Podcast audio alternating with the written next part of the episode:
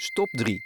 Tegeltableau van Henk Tiemann uit 1956. Burgemeester Roelstraat 40. We staan hier voor een kunstwerk van Henk Tiemann. Het stelt Mercurius voor.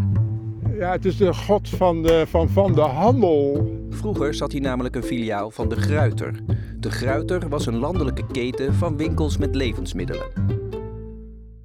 Je mee gezellig metromarkten bij de Gruiter? Nee, ik hoef niet. Maar je weet toch van die lage marktprijzen bij de Gruiter. En hoe hartstikke goede kwaliteit alles is.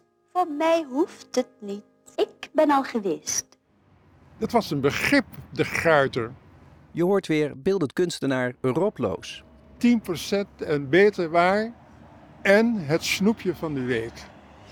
En daar werden dus zeg maar eh, kleinigheden van plastic, plastic paardjes of zo, of indiaantjes of iets.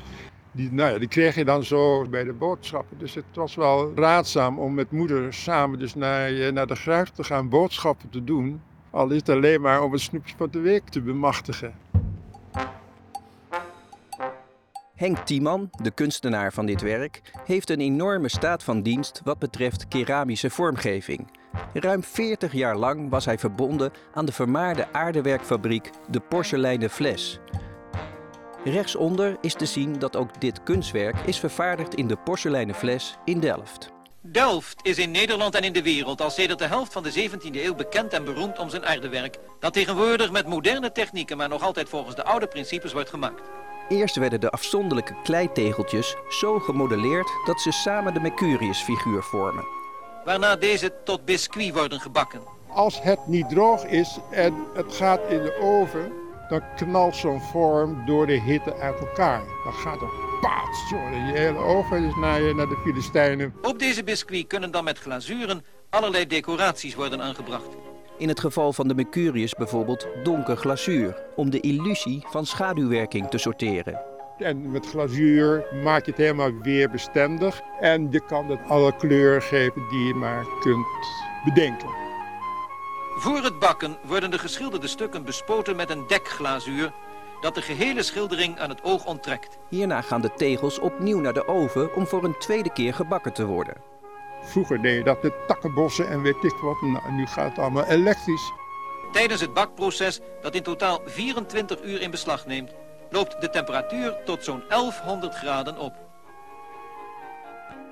Rondom de Mercurius-figuur zijn abstracte en figuratieve decoraties aangebracht, zoals een schip, een fabriek en een hijskraan. Voorstellingen die duidelijk te maken hebben met economische bedrijvigheid en bloeiende handel. Activiteiten waarmee de Gruiter zich graag afficheerde.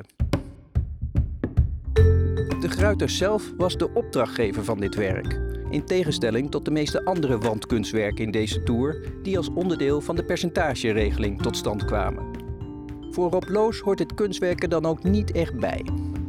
Ja, mijn hemel, ik heb zelf een beetje moeite mee. Heeft het nou iets met moderniteit te maken? De tijd staat stil, het is Mercurius. En dan krijg je ze allemaal traditionele dingen te zien. Aan zijn voeten dan die, die vleugeltjes. En dat heeft ook niks met modernisme te maken, vind ik, hè, qua, qua vormgeving. Wat dat ding hier doet in, in de kunstroute, dat snap ik ook niet. Nou, we hebben toch weer wat geleerd over het maakproces van keramiek. Dus helemaal zonde van onze tijd was het heus niet. Hoe dan ook, dit is het einde van stop 3. Fiets nu naar het kerkgebouw aan de Louis Couperenstraat, nummer 133.